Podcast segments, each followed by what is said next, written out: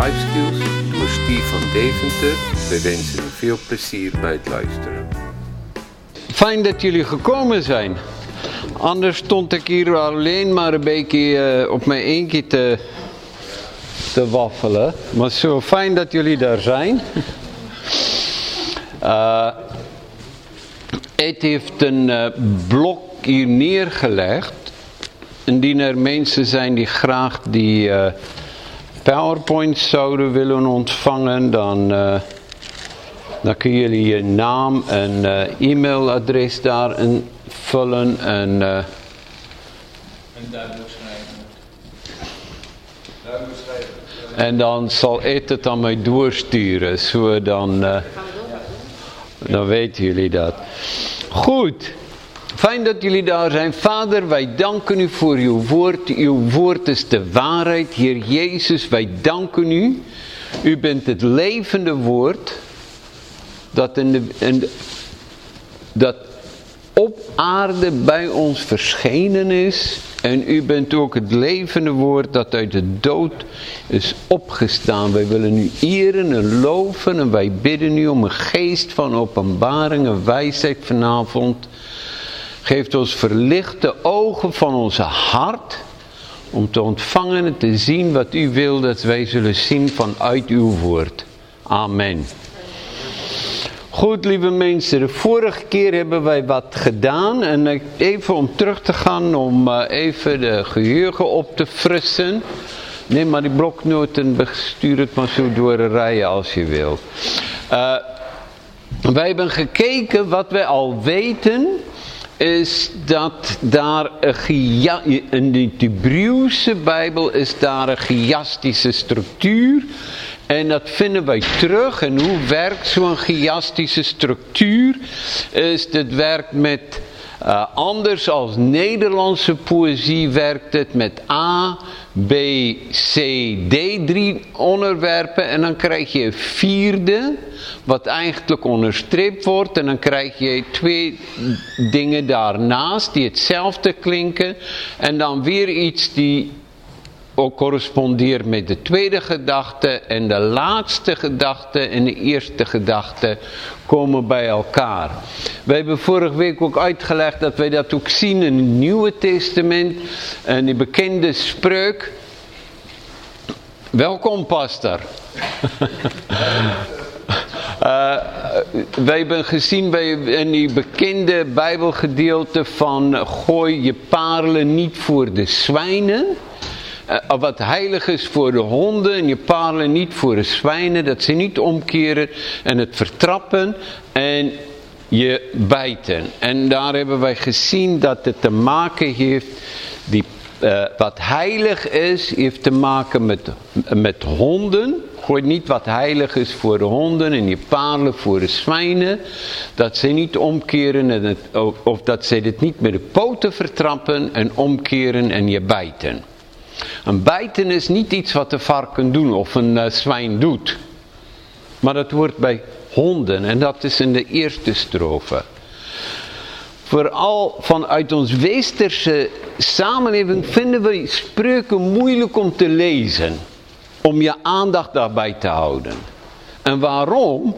Is je denkt, ja, ik heb het nu ongeveer gelezen, maar in het Hebreeuwse gedachte kijken ze naar wat wordt gezegd, waar correspondeert dit. En dit is een filter die ze hebben. Uh, in het begin moest ik heel erg aan wennen in het Nederlands. Uh, omdat Nederlands is meer een archaïsche taal. Je hebt heel veel woorden en dingen nodig om Nederlands uit te spreken. Ik zie mensen schuiven als je zegt Nederlands is een archaïsche taal. Ja, dat is. Dat heeft geslachten, mannelijk en vrouwelijk. Uh, ja, ik, ik snap nooit hoe kan je zeggen het meisje.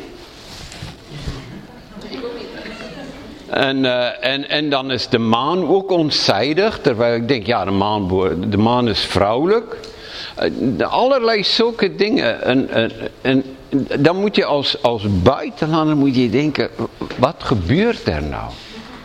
Word je helemaal gek met Spaans. Wat? Nou, Spaans is nog erger.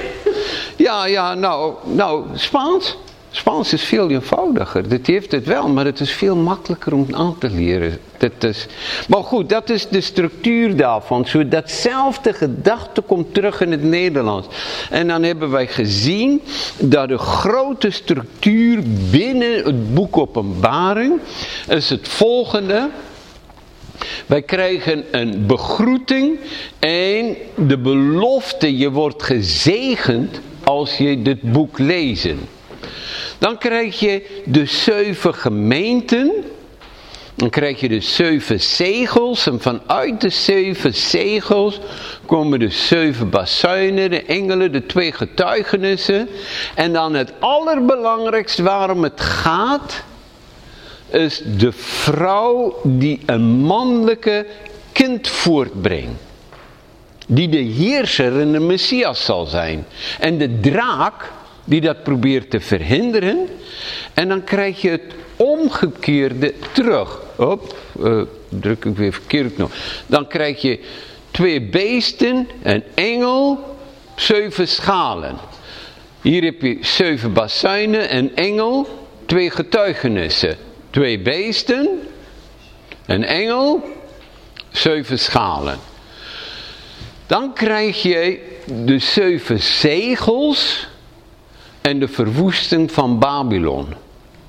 De zeven gemeenten. Gemeente is de bruid van Christus. Krijg je bruid. Een epiloog. Een begin en eind. Belofte van zegen. Als je de profetieën lezen en als je de profetieën bewaren. En, en daar zit in die opbouw van het boek, wat voor ons dan denkt, wat ingewikkeld, terwijl dat eigenlijk heel normaal is voor een die denken. Het is zoals Nederlanders die rijmen aan het eind van een zin of aan het eind van een woord. De laatste klanken moeten hetzelfde zijn. Dus al die Sinterklaas rijmpjes die kan je bijna voorspellen. De Sint zat te denken, wat zal ik dit jaar schenken? En dan krijg je dat, die rijmelarij. En voor enige Nederlanders, die leren het al op lagere school. Zo dat zit in je hoofd, die, die patronen van de taal. En dat is het, het Hebreeuwse, het Oosterse patroon. En dat zit in openbaring. En als je niet dat beseft, dan besef je niet dat dus het allerbelangrijkste focus van het hele, hele boek. Maar, dit begint met een hele duidelijke doel en dat gaan wij naar kijken vanavond. Het volgende dat wij naar, naar gaan kijken is naar de sleutels die we hebben vorige week besproken hebben over het boek Openbaring. En de sleutels liggen er heel dik op. Je, uh, Jezus zegt dan Johannes bij het begin van het boek, schrijf op wat je gezien hebt, wat er nu is en wat hierna zal komen. Met andere woorden, drie focuspunten. Wat is en wat was en wat komt. En dit is een van de belangrijkste sleutels die je moet vasthouden bij het lezen van het boek. Dat je iedere keer jezelf moet afvragen, welke kant kijk ik op? Is dit wat is, de werkelijkheid nu vanuit de hemelse perspectief? Is dit wat was of is dit wat komen zal? En Jezus zegt ook, ik ben die, ik ben levend, ik was dood en ik heb de sleutels van de dood en de dodenrijk en de toekomst. En, en dat zijn hele belangrijke gedachten om vast te houden. Dus ik wil dat je dat even, even weer voor jezelf op een rijtje hebben en vasthouden. En vorige keer hebben wij ook dan gekeken, als je dan kijkt naar de inhoud, naar de hoofdstukken, dan zie je eigenlijk die drie dingen ook terugkomen. Dat is Johannes zit in het heden op het eiland Patmos. Dat is op dat moment niet zijn keuze, maar hij is daar en hij aanbidt God. Hij is in de geest op de dag des Heren. Met andere woorden, hij is bezig om God te aanbidden. Op welke dag? De dag des Heren. Welke dag zou dat nou wezen?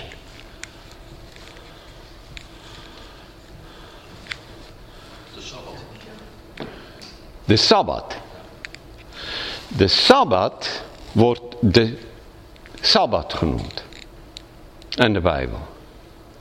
De Nieuwe Testament, als het spreekt over de dag des Heren, dan spreekt het altijd over de eerste dag van de week. En dat is heel belangrijk om te weten. Welke is de eerste dag van de week? De zondag, de opstandingsdag.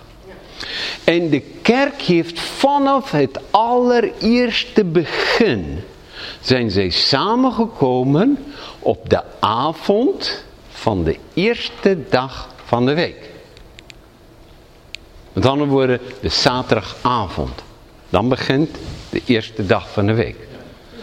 Ze hebben niet, de Joodse christenen hebben de Shabbat gevierd.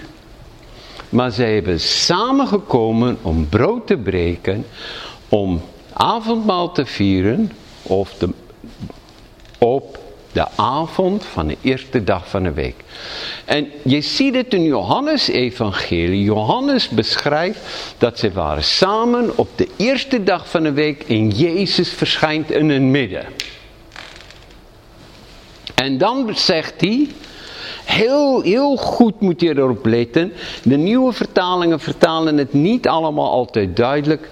Acht dagen later. Als je NBG-vertaling hebt, ik weet niet hoe het staat in de uh, Statenvertaal. Maar acht dagen later waren ze weer samen. Waarom schrijft Johannes acht dagen later? Wat bedoelt hij daarbij? De zevende dag weten we is de Shabbat. En de achtste dag is de zondag. En acht betekent een nieuw begin. En Johannes schrijft heel uitdrukkelijk, acht dagen later verscheen Jezus weer in hun midden. En je hoort sommige mensen zeggen, en dat is waar aan de ene kant, dat de zondag als rustdag is binnengekomen door keizer Constantijn. Dat klopt. Maar hij was niet diegene die de kerk gestuurd heeft om op de eerste dag van de week samen te komen. Dat hebben de christenen vanaf het, het allereerste begin al gedaan. Johannes evangelie. Zoals wij lezen de, over de dag des Heren, dan betekenen twee dingen. Het betekent de zondag, de opstandingsdag van Jezus. Daarom noemen ze de dag des Heren. Of dit betekent de dag van oordeel. Van oordeel. En het Oude Testament, ook Malachi, diegene van jullie die de Messias van Hendel kent, zag wie zal verschijnen, want de dag zal komen brandend als een vuur. Ja? Malachi spreekt erover, het Oude Testament, profeten die profiteren over de komende dag van de Here. En dat is een oordeelsdag. En dan mogen wij opspringen en juichen, want Jezus heeft de oordeel gedragen en voor ons op zich genomen aan het kruis van Golgotha. En daarom valt het ook dat het genoemd wordt in het Nieuwe Testament de dag van de Heer. Zo, dat is heel belangrijk om dat te zien. Dan hebben we gezien, vorige keer, is dat Johannes kreeg in één staat er, een hoofdstuk 4 hetzelfde. Ik was in de geest op de dag van de Heer en ik zag een deur geopend in de hemel. En ik hoorde een stem, zegt hij. Klim op hierin. En zo vertrok hij en, ik, en eens was hij in de troonzaal van God. En God zit op zijn troon. En dan komt de boekrol. Boekrol verzegeld met zeven zeugels. En ik heb gezegd, het lam draagt het oordeel. En het lam breekt de zegels. Hij heeft recht om de zegels te breken. Wij hebben daar naar gekeken. Misschien moeten wij dat weer lezen. En dan uh, van daaraf gaan wij verder. Dan hebben wij alles wat wij gedaan hebben, hebben wij bijgepraat. Johannes is in de hemel, hoofdstuk 5.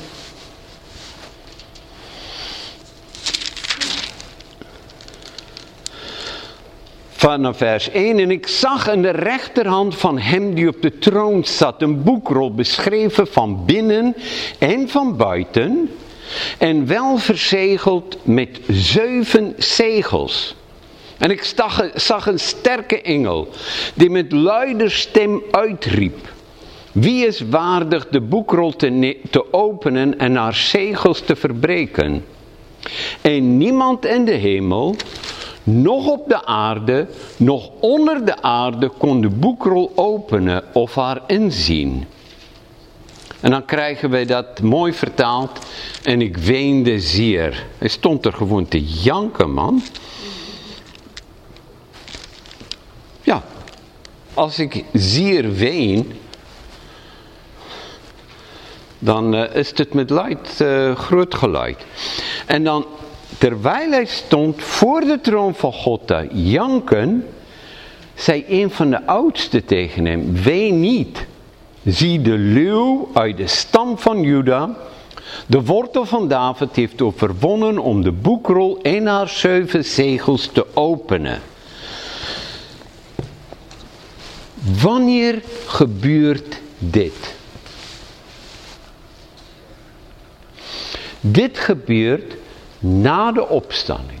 Dat is, Johannes komt in de hemel en dan zie hij eigenlijk wat er gebeurt in de hemelse gewesten. Hij ziet Jezus, daar hebben wij de vorige keer over gesproken, als een lam geslacht, met andere woorden, bloed stromende uit zijn hals, ziet hij hem bij de troon van God. En dan zegt, dan neem hij het boekrol. en toen hij het boekrol nam, vielen, wierpen de vier dieren en de 24 oudsten zich voor het lam neer. En elk van hen hebben er een gouden schalen vol reukwerk. En dan zit, komt daar even een stukje. Dat zijn de gebeden van de heiligen. Dat zijn jouw en mijn gebeden. En ze zongen een nieuw gezang. En het focus van die gezang is waardig, is het lam, Jezus.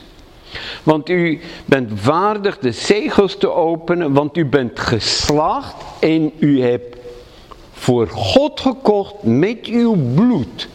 Uit elke stam en taal en volk en natie. En hij heeft hen voor onze God gemaakt. Tot een koninkrijk en tot priesters. En ze zullen als koningen heersen op aarde. Over wie zingt de engelen?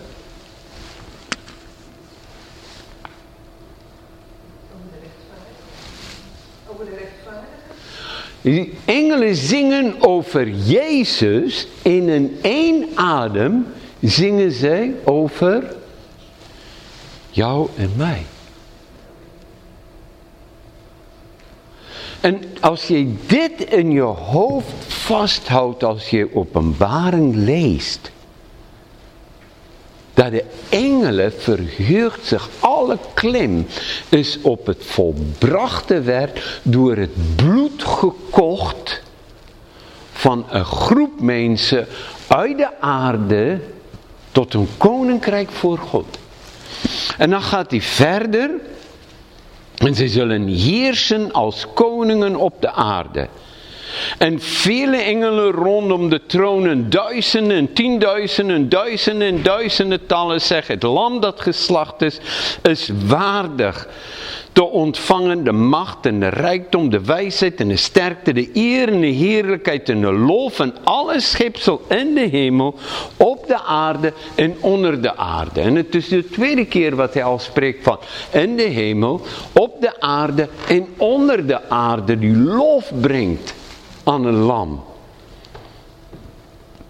En, en ze vielen en de neer en de, en de dieren zeggen amen.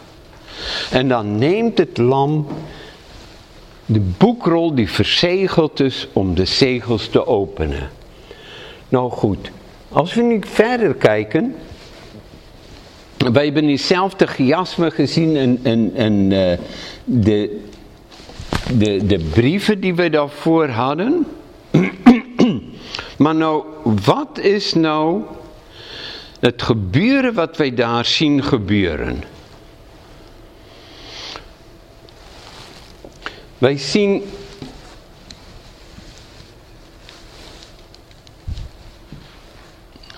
Wij zien de raad van God. Met andere woorden, de allerhoogste gezag. God zit op zijn troon, maar hij is niet alleen. Hij heeft een raad rondom hem van 24 oudsten. Nou, wie, wie zijn nou die raad? Wie vormen die raad van God?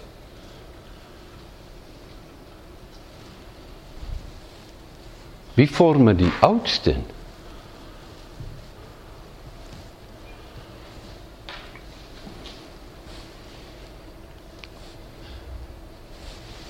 Dit, dit is toch niet nieuwe vragen?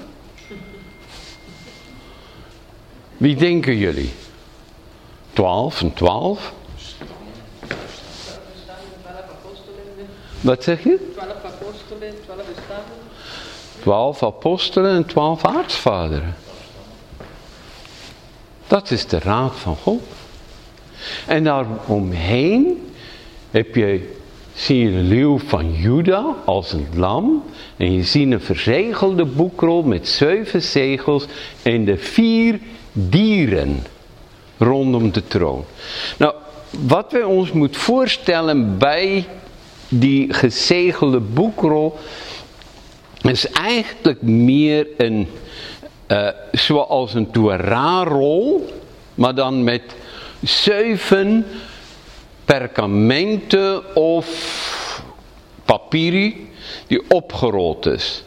En ik geloof dat het eigenlijk, dat je moet denken dat aan de stok waar ze dit doen, is de eerste die dicht bij de, de, de, de, de stok waarop ze het rollen komt, is de zevende.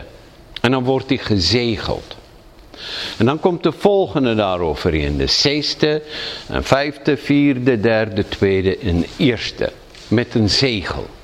Maar nou, wat is nou die betekenis van verzegelde boekrollen in de Bijbel. Aan beide kanten beschreven. Wij vinden het terug in Ezekiel, wij vinden het terug in Jeremia. In Jeremia wordt Jeremia aangesproken om een boekrol te kopen, ach een stuk grond te kopen, toen het volk op het punt stond om weggevoerd te worden in ballingschap. En God gaf hem een opdracht om een stuk grond te kopen en de koopactes te ontvangen. Als je een huis in Nederland koopt, dan krijg je ook een bewijs van eigendom, een koopakte. Jij krijgt eentje en eentje wordt bewaard. Bij de notaris. In Israël hadden ze precies dezelfde. Het is al heel, heel oud. De persoon die de eigendom koopt, die krijgt een koopakte. En dan wordt een koopakte opgemaakt die verzegeld is. En die moet u ook bewaren. Die de eigendom die ze gekregen hebben beschrijft. God heeft toen hij zijn volk naar het beloofde land stuurde, of nam, heeft hij voor elke stam een erfdeel gegeven. Dat, dat weten jullie? Ze kregen iedere stuk grond. Was hartstikke leuk. Eh, ze kwamen de Jordaan over en ze zagen een borkje met een eigendom, naam daarop en allerlei dingen. ze konden zo makkelijk het beloofde land ingaan en ze gingen wonen, elk in zijn eigen huis en ze leven lang en gelukkig verder. Of hoe was het? Er was alleen één probleem met die eigendom. Het was nog bewoond. En sommige plaatsen door reuzen. Klopt dat? Zo, zij moesten gaan vechten en een door God gegeven plaats en eigendom innemen. Klopt dat? En het was niet zo eenvoudig. Daar ging heel veel strijd en gemopper en van allerlei dingen. En sommige mensen hebben nooit een beloofde stuk land ingenomen. Maar die dit wel ingenomen hebben, die hadden een bewijs en dan was daar een systeem in het land. Wat was het systeem? Dat 70 jaar, dan moeten eigendommen weer teruggaan naar de oorspronkelijke families en de oorspronkelijke eigenaren. Zo, indien jij een stuk grond verkocht hebt of een armoedegeval is door je eigen schuld of door anderen of wat ook al, door een pandemie of, eh, of pestziekte die uitbrak in het land, dan kon je later teruggaan en het grond weer terugeisen. Wanneer was dat? Wat noemen wij dat gebeurtenis in de Bijbel? Jubeljaar. Oh, ik ben zo blij dat jullie dat zeggen.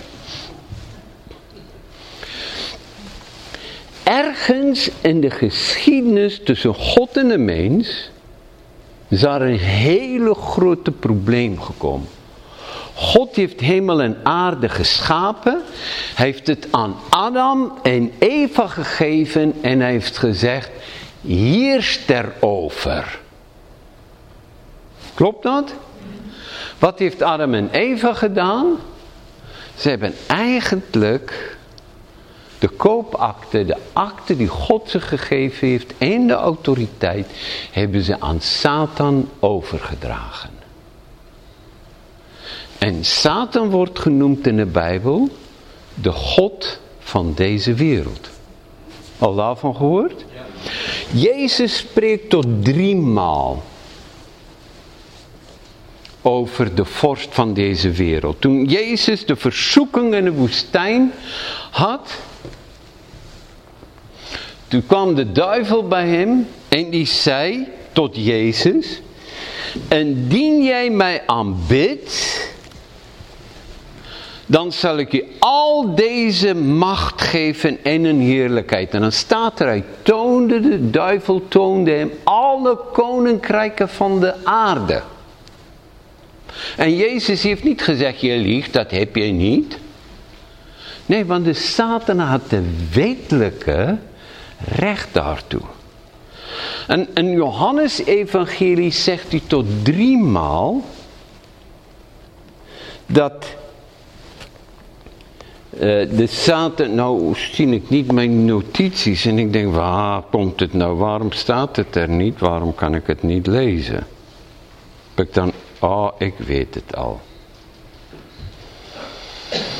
Uh, ik heb zwarte lettertypes gebruikt en uh, mijn slimme computer die gaan in de avond op nachtstand met een zwarte scherm.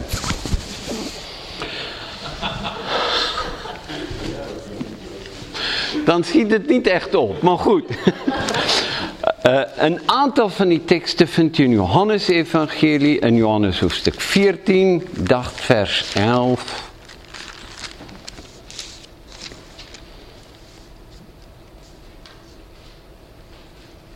Nee. Weet een laatste is in Johannes hoofdstuk. Jezus zegt, uh, de overste van de wereld zal geoordeeld worden. Uh, de, hij heeft er niets aan mij. Driemaal wordt de naam genoemd in Johannes evangelie. Voordat Jezus sterft, dat hij spreekt over de overste van deze wereld die hem gaat aanvallen. Wat wij zien in de hemel, wanneer Jezus de zegels opent, dan begint hij eigenlijk en hij neemt de eigendomsakte terug. Die Adam verkwanseld heeft. En dat is het hele gebeuren van de opening van de zegels. De opening van de zegels is niet een vloek die over de aarde komen om de, om de antichrist in te lijven. Dit is God die zegt, dit wat van mij is, neem ik terug. En ik ga vechten en ik stuur vanuit de opdracht vanuit de troon alles over de wereld om zijn eigendom terug te krijgen. Hoe werd het volk bevrijd uit Egypte? Door de plagen die over de Egyptenaren kwamen. Wij noemen het plagen, het Hebreeuwse woord is door de tien slagen die God gaf. Dus twee verschillende beelden. God sloeg Egypte tienmaal om zijn volk vrij te krijgen. En wat gebeurt is, in die zin komt, treedt Jezus als diegene die de eigendom heeft, die de akte heeft van bezit, treedt op. En hij is diegene die de zegels opent. En dan is het voor ons heel moeilijk om sommige dingen te zien. Want wat gebeurt er bij de opening van de eerste zegel? Dan gebeurt er iets heel bijzonders in de hemel. Oh, daar heb ik het toch. De overste van de wereld. Nu gaat de, oh, heb ik toch daarin. Nu gaat een oordeel over deze wereld uit. Nu zal de overste van deze wereld buiten geworpen worden. Dat voorspelt Jezus voordat hij naar het kruis gaat. Jeremia zegt, zo zegt de Heere der Heerskaren, de God van Israël. Neem deze brieven, deze koopbrief, brief zowel de verzegelde als deze open brief. En leg ze in aarden vat opdat zij lange tijd bewaard blijven, want zo zegt de Heere der Heerscharen, de God van Israël, er zullen weer huizen, akkers en wijngaarden verkocht worden in het land. En dat is een profetische handeling die Jeremia deed 70 jaar voordat het volk weer terugkwam uit ballingschap. En heeft zijn neef heeft die opdracht gegeven. Koop die akte, schrijf het op, begraven het daar. En dat we dan teruggaan om dat op te halen. Als jullie terugkomen uit ballingschap. En dat je bewijs hebt dat je dat gekocht hebt. En dat, dat, dat is die, die lossers beginsel in de Bijbel. Dat zien we ook in het leven van Rut. Jullie kennen het verhaal van Rut. Naomi gaat terug naar haar land, als schoondochter Rut gaat met haar mee. En dan zegt zij, wij hebben nog recht op een stuk grond. Maar het moet gekocht worden en ons losser of verlosser, maar niet Yeshua, het woord uh, Joshua in het Hebreeuws, maar het woord Goel. Ons verlosser, diegene die ons vrijkoopt, dit is dan Boas. Maar Boas zegt, ik ben wel een lijn daarvoor, maar dat is een neef die nog dichterbij staat. En die neef zegt, joh, ja, maar als ik dat koop, dan gaat de eigendom naar Rut en haar kinderen en niet naar mijn eigen zonen. Zo, die weigert om dat te kopen. En Boas besluit, ik wil graag met die vrouw trouwen. Ik weet niet wat zijn eigen vrouw daarvan vond, maar hij wilde graag met haar trouwen. En zo werd Boas de losser, de Goel van Rut. En eigenlijk zie je in dit verhaal, een openbaring, zie je diezelfde beginselen terug te komen. De bruidegom, die alles overgeeft voor zijn bruid, die zelfs de hoogste prijs betalen om de koopakte te krijgen, zodat het bezit weer bij de rechtmatige eigenaren komen. Ik, ja, dan, ik, dan denk ik, oh, ik zie lijnen uit het Oude Testament die, die, die bij elkaar komen. Je kan niet openbaring alleen gaan lezen, oh, dit voorspelt de wederkomst van Christus. Dat doet het wel, maar dit brengt het verhaal van God vanaf het begin. En het tekent het uit op een grote canvas. En hij zegt, daar is het verloren gegaan. En hier winnen wij het allemaal terug. Daar zijn wij het kwijtgeraakt. Maar door een lam van God is alles wat het kwijtgeraakt is, is teruggekocht. Want u hebt uit alle volken, taal en stam en natie, heb u een koninkrijk voor onze God bereid. En dan beginnen zegels en dan worden de zegels geopend. Ik vind dit een van de meest spectaculaire gedeelten in de Bijbel. En Johannes staat er, Johannes staat in de troonzaal van God en hij is getuige van dit alles. En er wordt aangesproken, schrijf dit alles op. Bewaart het. En dan schrijft Johannes dit op. Hij zegt, nu, Jezus begon dan ook. Een laatste tekst daarover. Hij zegt, nu gaat er een oordeel uit over deze wereld. Johannes 12 vers 31. Nu zal de overste van de wereld buiten geworpen worden. Johannes 14 vers 30. Niet veel zal ik meer met u spreken, want de overste van de wereld komt en heeft aan mij niets. Johannes 16 vers 11. Van ik ben gekomen en de Heilige Geest zal uh, overtuigen van oordeel. De wereld overtuigen van oordeel. Omdat de overste van deze wereld geoordeeld is. Halleluja. En dat gebeurt en dat ziet Johannes de uitwerking daarvan. En dan moeten wij weer terugkomen naar bijbels denken. Wanneer, wanneer ontvang jij eeuwig leven? Ik wil dat jullie met mij meedenken, dat je een, een bijbelse gedachte gaan denken. Wanneer ontvang je eeuwig leven?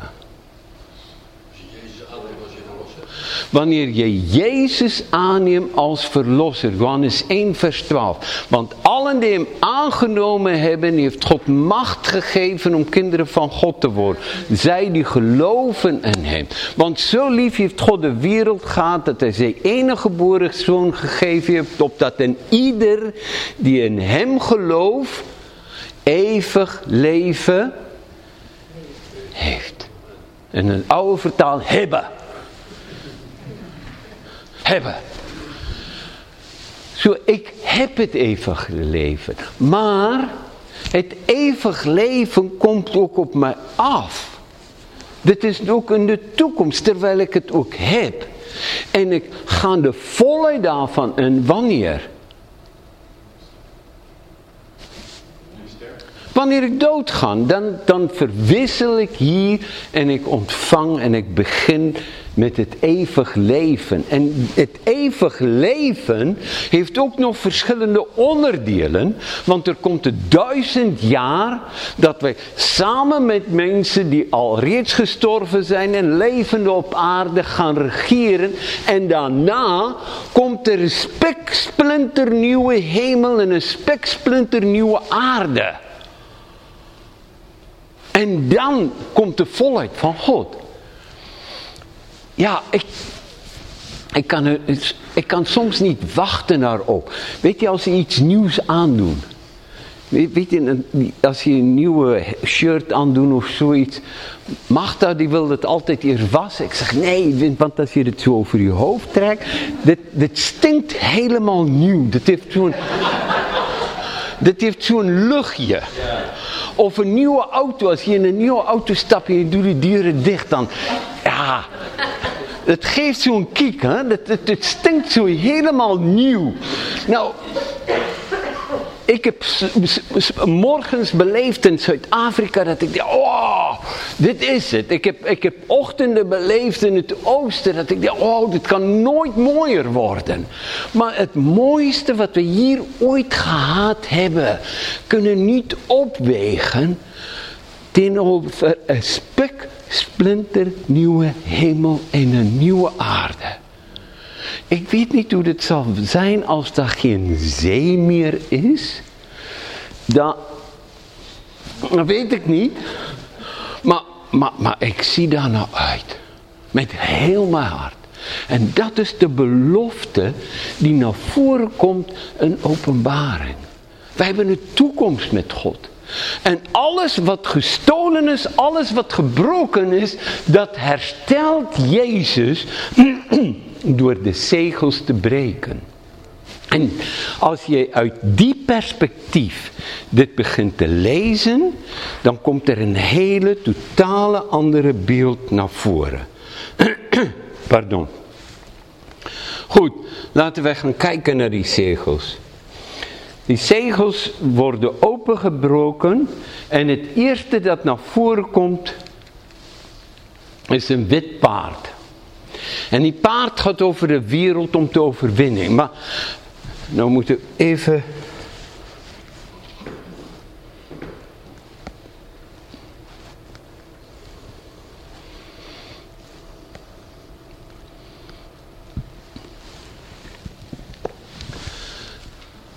Nee, dat is de verkeerde kant op. Hop. Hier zie je de, de vier dieren geeft het bevel.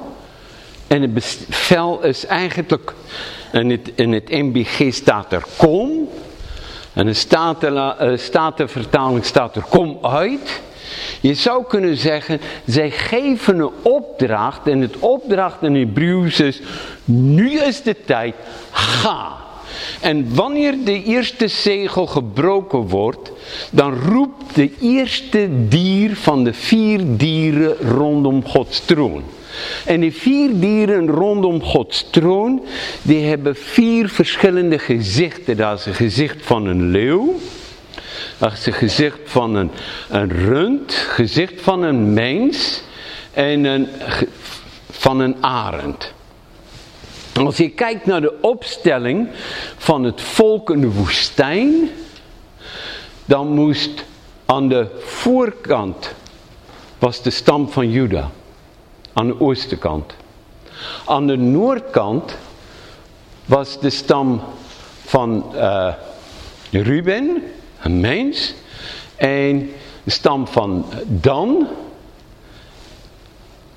en nou weet ik het niet zo snel. Maar die beelden ook die vier dieren uit. En de woestijn rondom de tabernakel. Ik zal het meenemen. Maar de eerste stem die geroepen wordt is de stem van de leeuw, van de dieren. En die gaat rond om te verslinden. En dan zie je overal vanuit de gereformeerde theologen, van de preteristen, die zegt, ja, maar de ruiter die daar uitkomt op de witte paard, dat is Jezus, want hij gaat om te overwinnen. En wanneer ik dit lees, dan denk ik, maar het klopt niet met bijbelse argumenten. Want als je daar naar kijkt, dan zie je uh, een openbaring hoofdstuk 6. En ik zag toen het lam een van de zegels openbreekt, toen hoor ik de vier dieren zeggen, en met de stem van, van een donderslag, kom. En ik zag en zie een wit paard en erop zat had een boog en hem werd de kroon gegeven. En hij trok uit overwinnende om te overwinnen. De Bijbel geeft nooit, spreekt nooit over de Zoon van God of het lam als een gebruiker van een pijl en boog.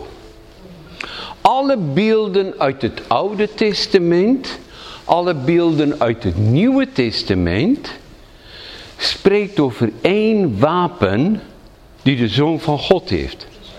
En dat is een zwaard. Een zwaard dat uitgaat uit zijn mond. Of het zwaard. En daarom is dit voor mij een beeld van eigenlijk een valse godsdienst, een valse messiassen. Deel van die valse godsdienst, die eigenlijk gebaseerd is op het woord, maar alles net een klein beetje verandert.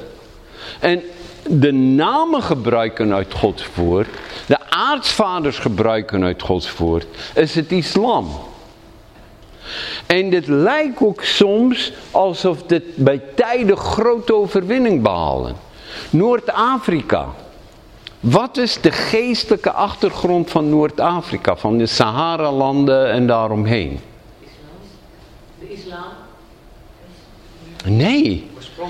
Oorspronkelijk was dit de grootste kerk. Dat was eerstens christelijk geworden.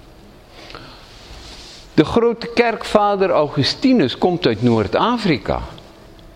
Dat, was de, dat is Noord-Afrika. Maar omdat de kerk naar binnen gericht was en niet haar taak deden, zijn ze overrompeld en, en is dat naar voren gekomen. je ziet die, die verschillende lijnen lopen en die dingen. En het tweede wat er dan uitkomt is de tweede die roept. Dat is het beeld van de, van de rund. En dan komt er dood en slachten van mensen en allerlei dingen. Oh heerlijk, dank u wel. Jij zal zekerlijk je beloning krijgen.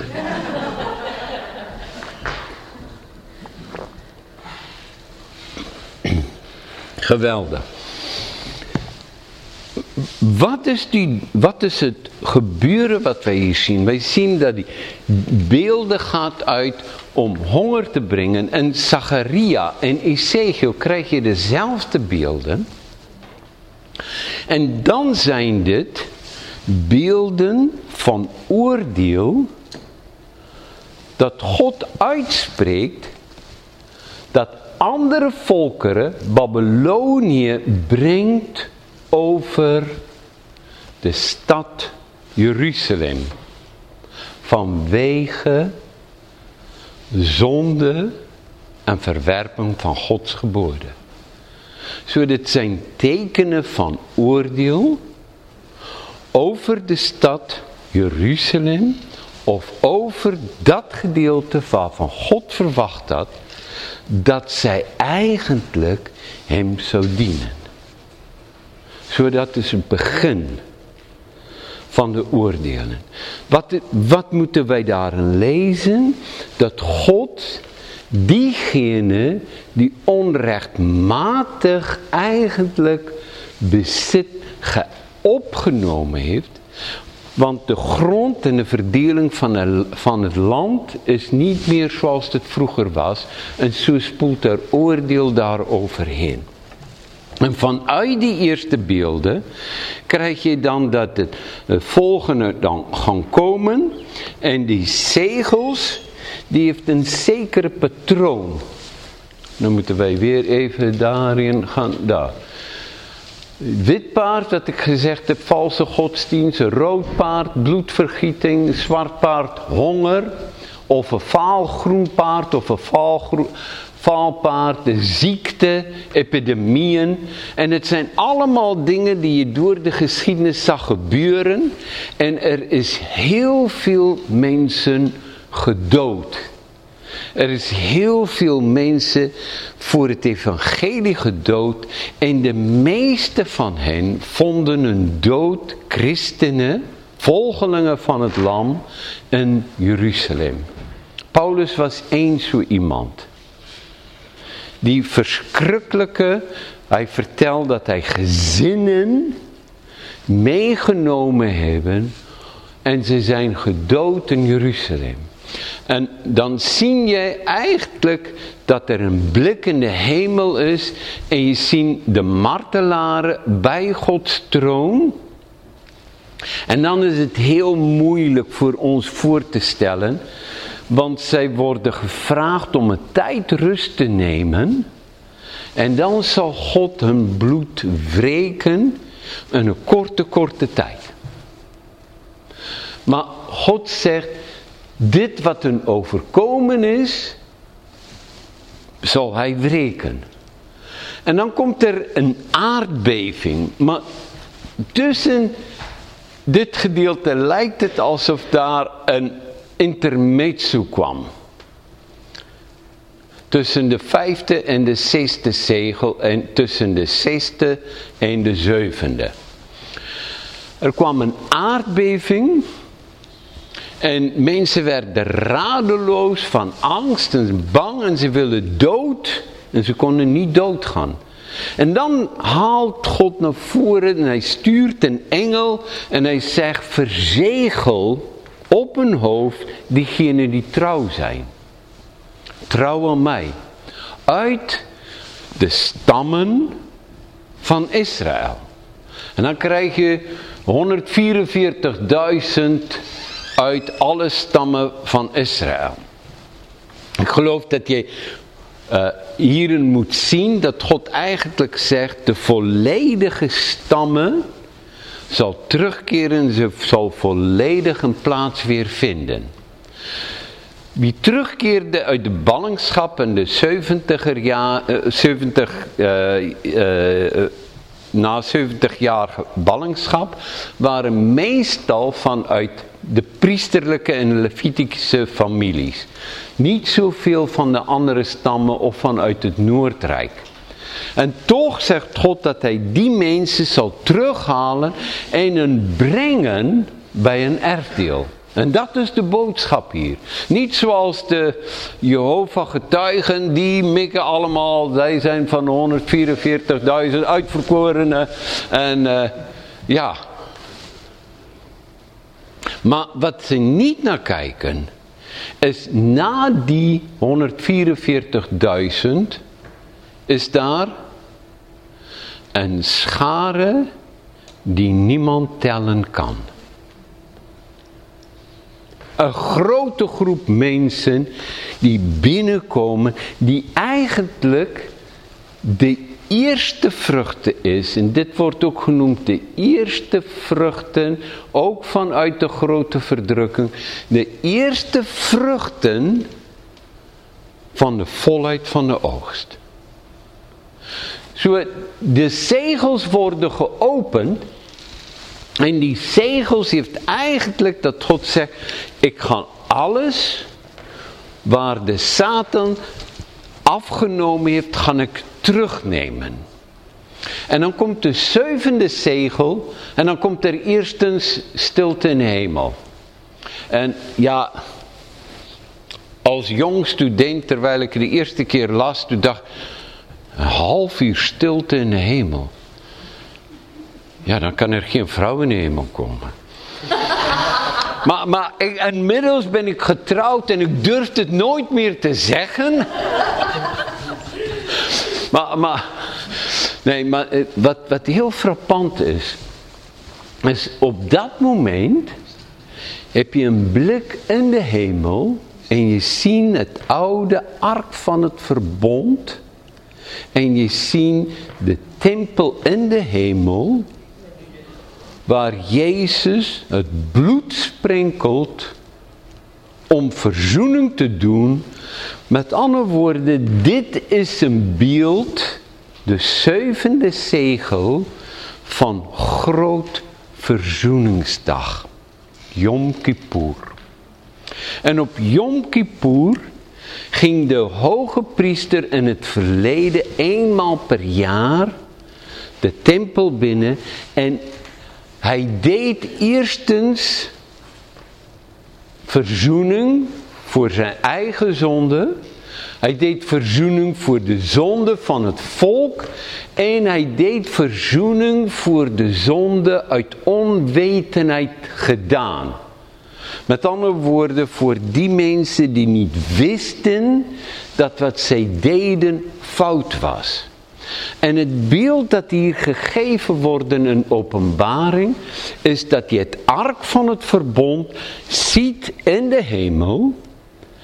En het gaat open. En daarna is er geen sprake meer van de tempel en de hemel. En dan komt er ook wanneer, wanneer gesproken worden over een nieuwe hemel en aarde, dan zal daar geen tempel meer zijn. Want het lam en God zelf zal de tempel zijn, het licht. Maar de stad van God zal er nog zijn.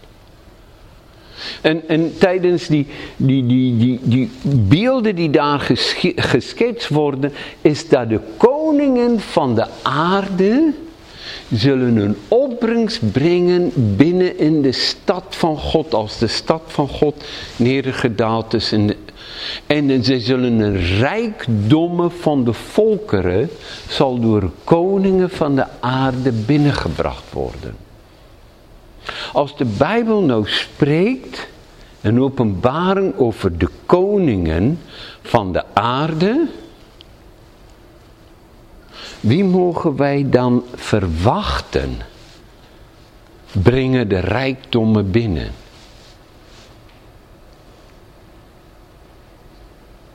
Want, ik wil, wil, dat je gaan, gaan lezen vanuit de beelden die openbaring in het begin schetst. Wat zien Johannes in de troonzaal van God? Waarover zingt de engelen? Over uit elke volk, een stam, taal en natie een koninkrijk van priesters voor onze God. Later wanneer de stad uit de hemel gedragen is en wanneer daar gesproken wordt over de twaalf poorten van de stad dan wordt er gezegd, en de koningen van de aarde zullen de rijkdom van de volkeren brengen in de stad van God.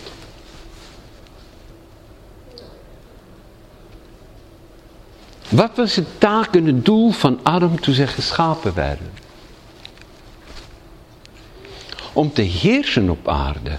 Om eigenlijk ja, misschien heb ik een, een klein simpel gedachte daarover. Maar, maar als je, is niet een, een bal, als je dit nou de aarde zou zien. Dan heeft God de aarde geschapen en op de aarde heeft hij daar een tuin gecreëerd. En in die tuin heeft hij Adam en Eva geplaatst. En ze moesten de tuin bewerken en bewaren. Rondom de tuin waren rivieren, maar het was niet zo prachtig zoals binnen in de tuin. Zo wat was het doel van God? Hier is de aard, daar is de tuin, Adam en Eva daar. En wat was Gods doel met Adam en Eva? Om daar te blijven. Om daar te blijven.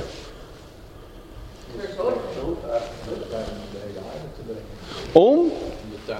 Om de hele aarde tuin te maken. Om, om de hele aarde te ontwikkelen. Om alle creativiteit wat er in de Vader is uit te leven. En de aarde zo mooi te maken dat de ganse aarde tuin zou zijn. Nou, ga je naar openbaring en dan, dan zie je dat de stad komt en een koninkrijk en dat mensen duizend jaar kunnen oefenen om met Christus die verantwoordelijkheid van regeren, van, van scheppen, van, van, van de Vader naapen en te doen wat de Vader gedaan heeft op de aarde uitwerken. En dan komt er een spiksplinter nieuwe hemel en een nieuwe aarde. En, en, dan, en dan zit ik te kijken dan denk ik, ja, onze aarde op dit moment hangt in een zonnestelsel. En rondom de aarde zijn er allemaal planeten die niet bewoond zijn. Die niet ontgonnen zijn, die niet, niet iets meer gebeuren. En dan komen we naar een nieuwe hemel en een nieuwe aarde. Ik weet niet of dit weer een planeet zou zijn. Maar dan denk ik, wauw, wat de mogelijkheden om, om uit te breiden. Of uh, is dit nou maar mijn, uh, mijn gekke denken? Of, of heeft God, uh, weet je in het Oude Testament, God heeft in het hart van een mens, staat er, het de uw gelegd. Met andere woorden, God heeft in de, in hart van de mens de eeuwigheid gelegd, zegt spreuken. Ach, ach, niet spreuken, prediker. En, en dan denk ik, ja, iets van, van de eeuwige is in ons. En dat is die iets die heimwee heeft naar iets wat veel mooier is. Die heimwee heeft om, om te creëren, die heimwee heeft om, om, om kleur te brengen en schoonheid en dingen te ordenen, te regeren. En dat is waarover openbaring spreekt. Dit, is, dit was Gods plan, dit is verloren gegaan, dit is nu, de zegels worden gebroken. Dit wat God beloofd heeft, wat je erfdeel is, is nu voor jou beschikbaar. Jezus verbreekt de zegels en nu mogen wij ons erfdeel in bezit te nemen. En een gebed bij het lezen van openbaring is, hier heb ik alles ontvangen wat u mij wil geven. David bidt in, uh, uh, in Psalm 16. Hij zegt, o Heere, mijn erfdeel bekoort mij. De meetsnoeren vielen mij een lieflijke dreven. Mijn erfdeel bekoort mij. Met andere woorden, David zegt daar, u hebt voor mij een stuk grond gegeven, zoals in Israël, deel van de stam van Juda. En hij zegt, oh dat is prachtig. Maar dan was daar iemand in het Oude Testament, Jabez zegt, mijn stukje is een beetje te klein. Hier wil u mij overvloedig zegenen. Hier wilt u mijn erfdeel vergroten. En wat zegt de Bijbel? En God gaf, verhoorde zijn gebed en zijn erfdeel werd vergroot.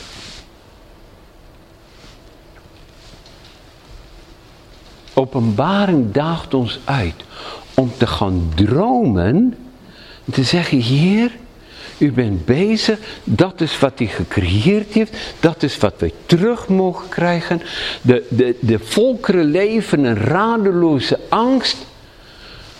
Maar Psalm 2 zegt, ik mag u vragen, geef mij de volkeren als bezit, als een erfdeel.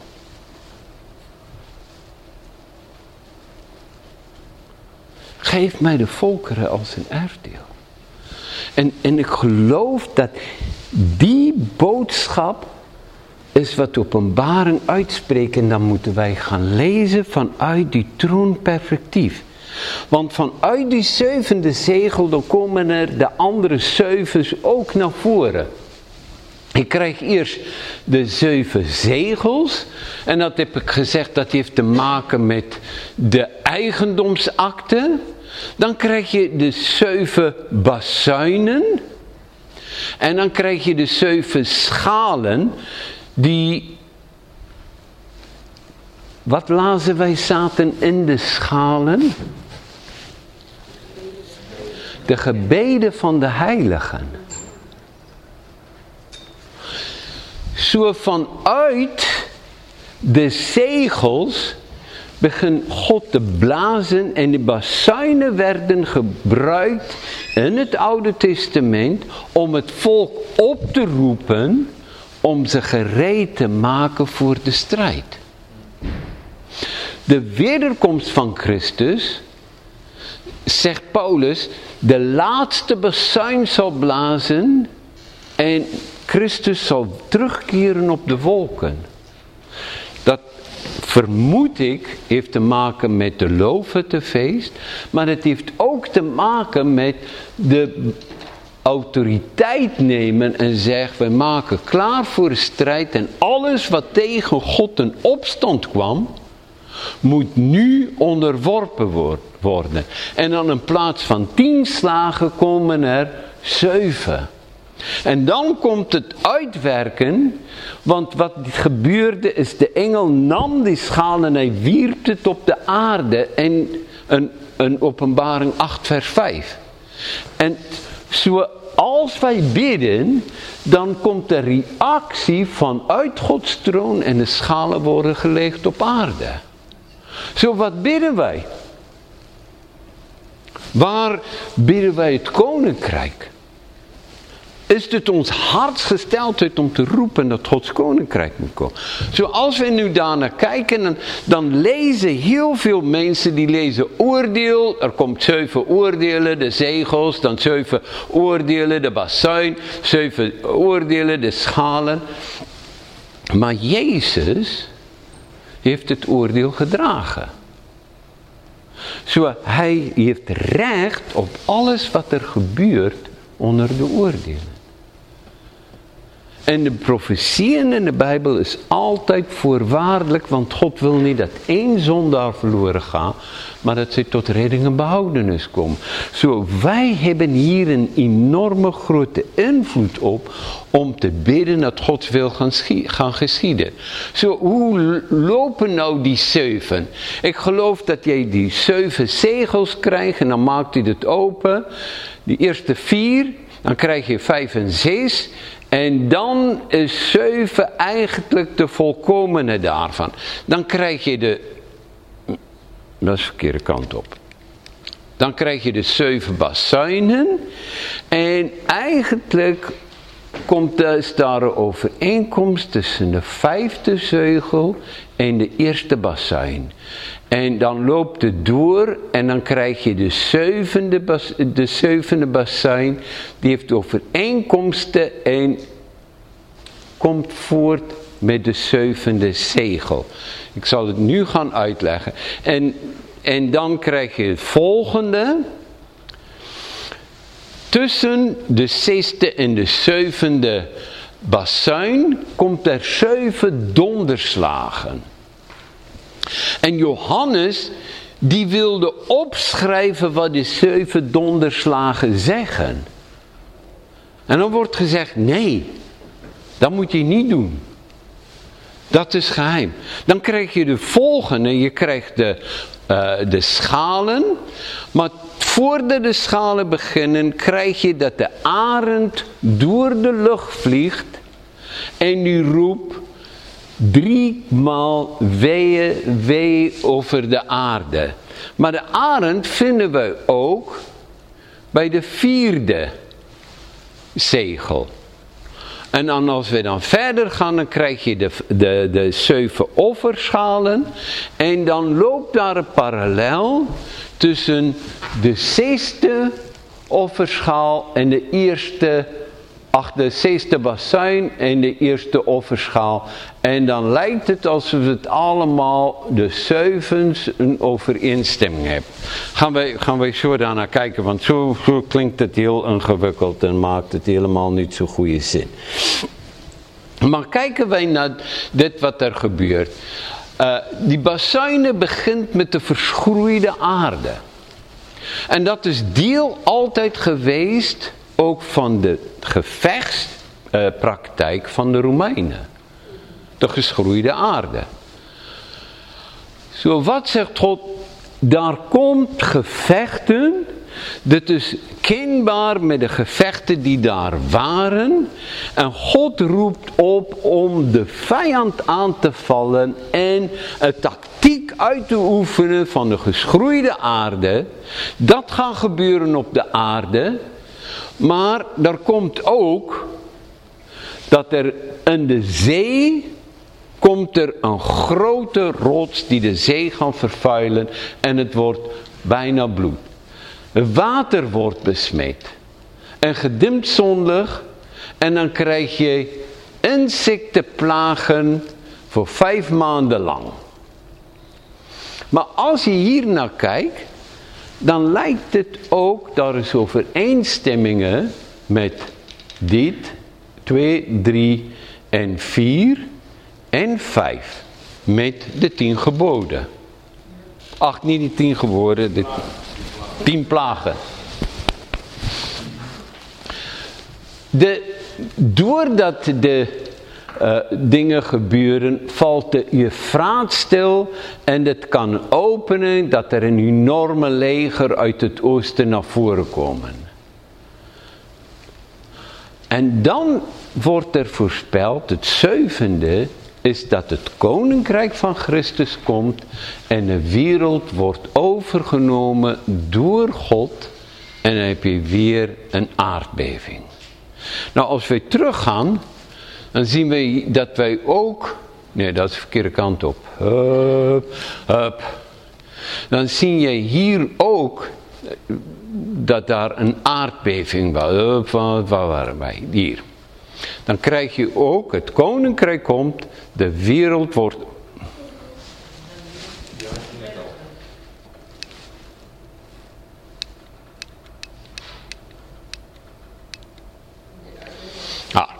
de zegels, aardbeving, radeloze angst, maar winst voor het koninkrijk. 444.000 uh, uit de stammen van Israël en de duizenden uit de scharen. Gaan wij naar de bassuinen, dan krijg je aardbeving. Het koninkrijk van God komt, de wereld wordt overgenomen door God en Christus. Duizend jaar vrederijk, wat er, wat er voorspeld wordt. Maar dan, dan zie je dat de aardbevingen komt in de zevende getal voor. De aard, het lijkt iedere keer alsof dat duidt op, uh, op uh, dezelfde. En ook bij de offerschalen krijg je het ook weer. Zweren op het huid, bloed in de zee, bloed in alle water, verbranding door de zon, duisternis. Als je dat hoort, dan komt ook de plagen in Egypte naar voren. En dan krijg je duisternis, of was duisternis in Egypte, de negende plaag. En dan komt de grote strijd, hagelstormen, zware aardbeving en eigenlijk instorting van alle systemen. Dit, dit zijn nu de grote parallellen die daar liggen. En wat ik wil, wil, wil hebben is dat je gaat zien, oh oké, dit heeft met elkaar te maken. Die moet je eigenlijk bij elkaar gaan verbinden. En niet gaan zien als, oké, dit is het tijdvlak, vak, want zo wordt het vaak gelezen. En nu komt er zeven oordelen over de wereld. En wow, je hebt geluk als hij dat overleefd heeft. En dan begint het opnieuw. Dan komt er zeven bazuinen. En wow, verschrikkelijk wat over... Nee, dit is een, een aaneensluiting, maar daar is ook overlappingen. Dit heeft met elkaar te maken. Je zou kunnen zeggen dat de zevende beeld komt bij iedereen voor en het wordt intenser. Het wordt intenser. En dan is de vraag, moet je dit, dit lezen als gaat over dezelfde gebeurtenis? Of is dit loopt het in elkaar over? Is de deel van wat al reeds begonnen is en de wieën die over de aarde komen? Heeft het te maken met wat gebeurd is in de jaren van 40, 30 tot 70, 40 jaar tussen de, weder, de, de, de, de hemelvaart van Christus en de vernietiging van Jeruzalem. Want toen is alles wat hier geschreven staat ook gebeurd. Aardbevingen, grote aardbevingen, een grote strijd uh, rondom Israël, verschrikkelijke verdeeldheid onder de Joden in die tijd en dat zij meer van elkaar gedood hebben dan dat de Romeinen Joden afgeslacht hebben. Verschillende facties die onder elkaar. En dat juist wat, voor, wat in een openbaring gezegd werd over bloed die stroomde in de straten, dat dus ook plaatsgevonden met de vernietiging van Jeruzalem. Nero werd ook genoemd de beest. En de aanvallen van de Romeinen is die kwam via de zee en ze droegen ook de beesten, ze droegen ook uh, die adelaars, die arenden op een vlaggen. Zo ergens in de geschiedenis is daar elke keer herkenningsmomenten. Uh, daar is een 300 na Christus in de vierde eeuw is daar een scheuring gekomen tussen de Oosterse kerk en de Westerse kerk. De Oosterse kerk was de, Rooms, eh, de, de Grieks-orthodoxe en de Russisch-orthodoxe kerken. En de Westerse kerk is de kerk vanuit Rome. En zij hebben uit elkaar gegaan over de gedachte is Christus nou werkelijk deel van God Zoon van God heeft hij bestaan van eeuwigheid af of is hij geboren uit God. En de Westerse kerk heeft gezegd, nee, maar Christus was van eeuwigheid af. Hij was deel van de Vader. En die twee gedachten heeft grote strijd veroorzaakt. Want dan in de Westerse kerk zeggen ze, vader is hoger dan Christus. In de Oosterse kerk zeggen ze, wij, wij, wij, wij begrijpen het niet helemaal. Wij geloven dat eh, de Zoon van God uit God voortkomt. En de Westerse kerk heeft gezegd, ja maar Christus is geboren uit God. En daardoor is grote scheiding. Maar, maar toen de eerste kruisvaarders ging, toen hebben zij eerstens Constantinopel vernietigd. En de christenen daar, die zagen, ja, dit is de geest van een antichrist. Dit is de antichrist. Die vernietigt alles wat van God is. Rooms-Katholieke kerk. En die prachtige, grote kathedraal in uh, Constantinopel of Istanbul. Dus nu een, en is nu een moskee. Aga, Aga, Agia, Aga Sophia, ja? Maar dan zie je ook, het oude christelijke bouwwijze was met de prachtige koepel. Om de, om, om de schepping weer te geven en de grootheid van God. En als gevolg van die prachtige grote kerk die zich hadden in Constantinopel of van Istanbul van toen, worden alle moskeeën op die manier gebouwd. Alleen in plaats van een kerktoren met de haan erop, komt er twee torenkies minaretten om vanaf de op te roepen. Maar dit is alles komt vanuit de christelijke traditie. En daarom vind ik het soms zo moeilijk als je daarnaar kijkt, omdat er zoveel al in de plaats gevonden heeft, is wat is dit nou, kunnen wij nou zeggen, joh, dit is de antichrist, dit is hoe het gaat, maar door de geschiedenis heen zien we overal tekenen wat in openbaring beschreven worden, die al reeds plaatsgevonden hebben. En ik ga het hierbij laten vanavond. Maar ik wil je uitdagen, ga eens lezen en neem verschillende kleuren en ga de overeenkomsten tussen de zegels, de bazuinen en de schalen die de reukwerk van de heiligen vertegenwoordigt. Zo begint het. Rondom de troon had iedereen van de 24 oudsten schalen met reukwerk en dat is de gebeden van de heiligen. Zo, als wij dan kijken naar dit wat is, dit wat was en dit wat komt, was het jouw gebeden? Is dit alles daar in de toekomst? Of is dat een werkelijkheid waar de Bijbel zegt vanuit de hemelse perspectief gebeurt dat nu? Vanuit de hemelse perspectief moet nog alles, zegels en alle eigendommen van het koninkrijk van God nog terugkomen.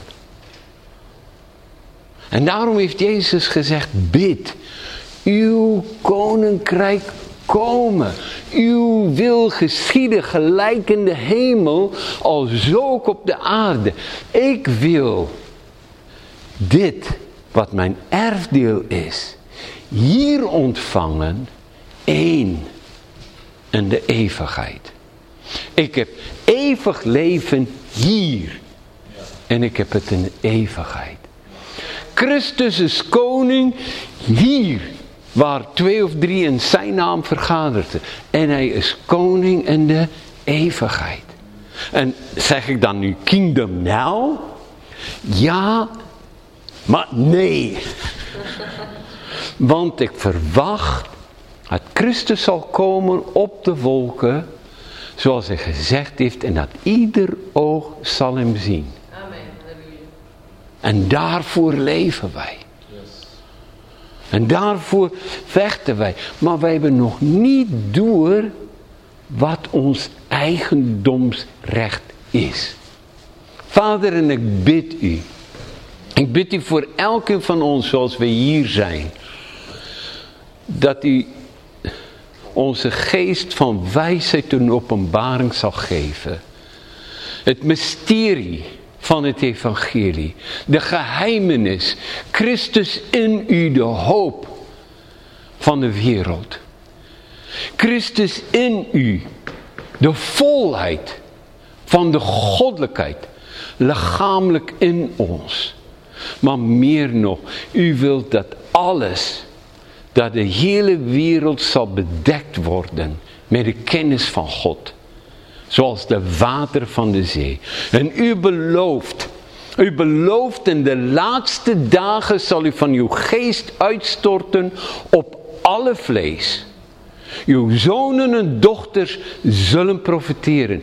Jongelingen zullen gezichten zien. Ouderen zullen dromen dromen. En ook op uw dienstnechten en dienstmaagden zal in die dagen van uw geest uitstorten.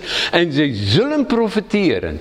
Heer, en ik bid u dat de profetische, koninklijke, priesterlijke volk zal zijn. Uw volk. En dat wij met passie uw koninkrijk zal verkondigen maar ook uw koninkrijk zal binnenbidden en dat wij ook met passie en verlangen de bruidegom zal verwachten. Met volle kruiken met olie en niet in slaap. En daarom bidden wij, kom Heer Jezus Christus, kom. Amen.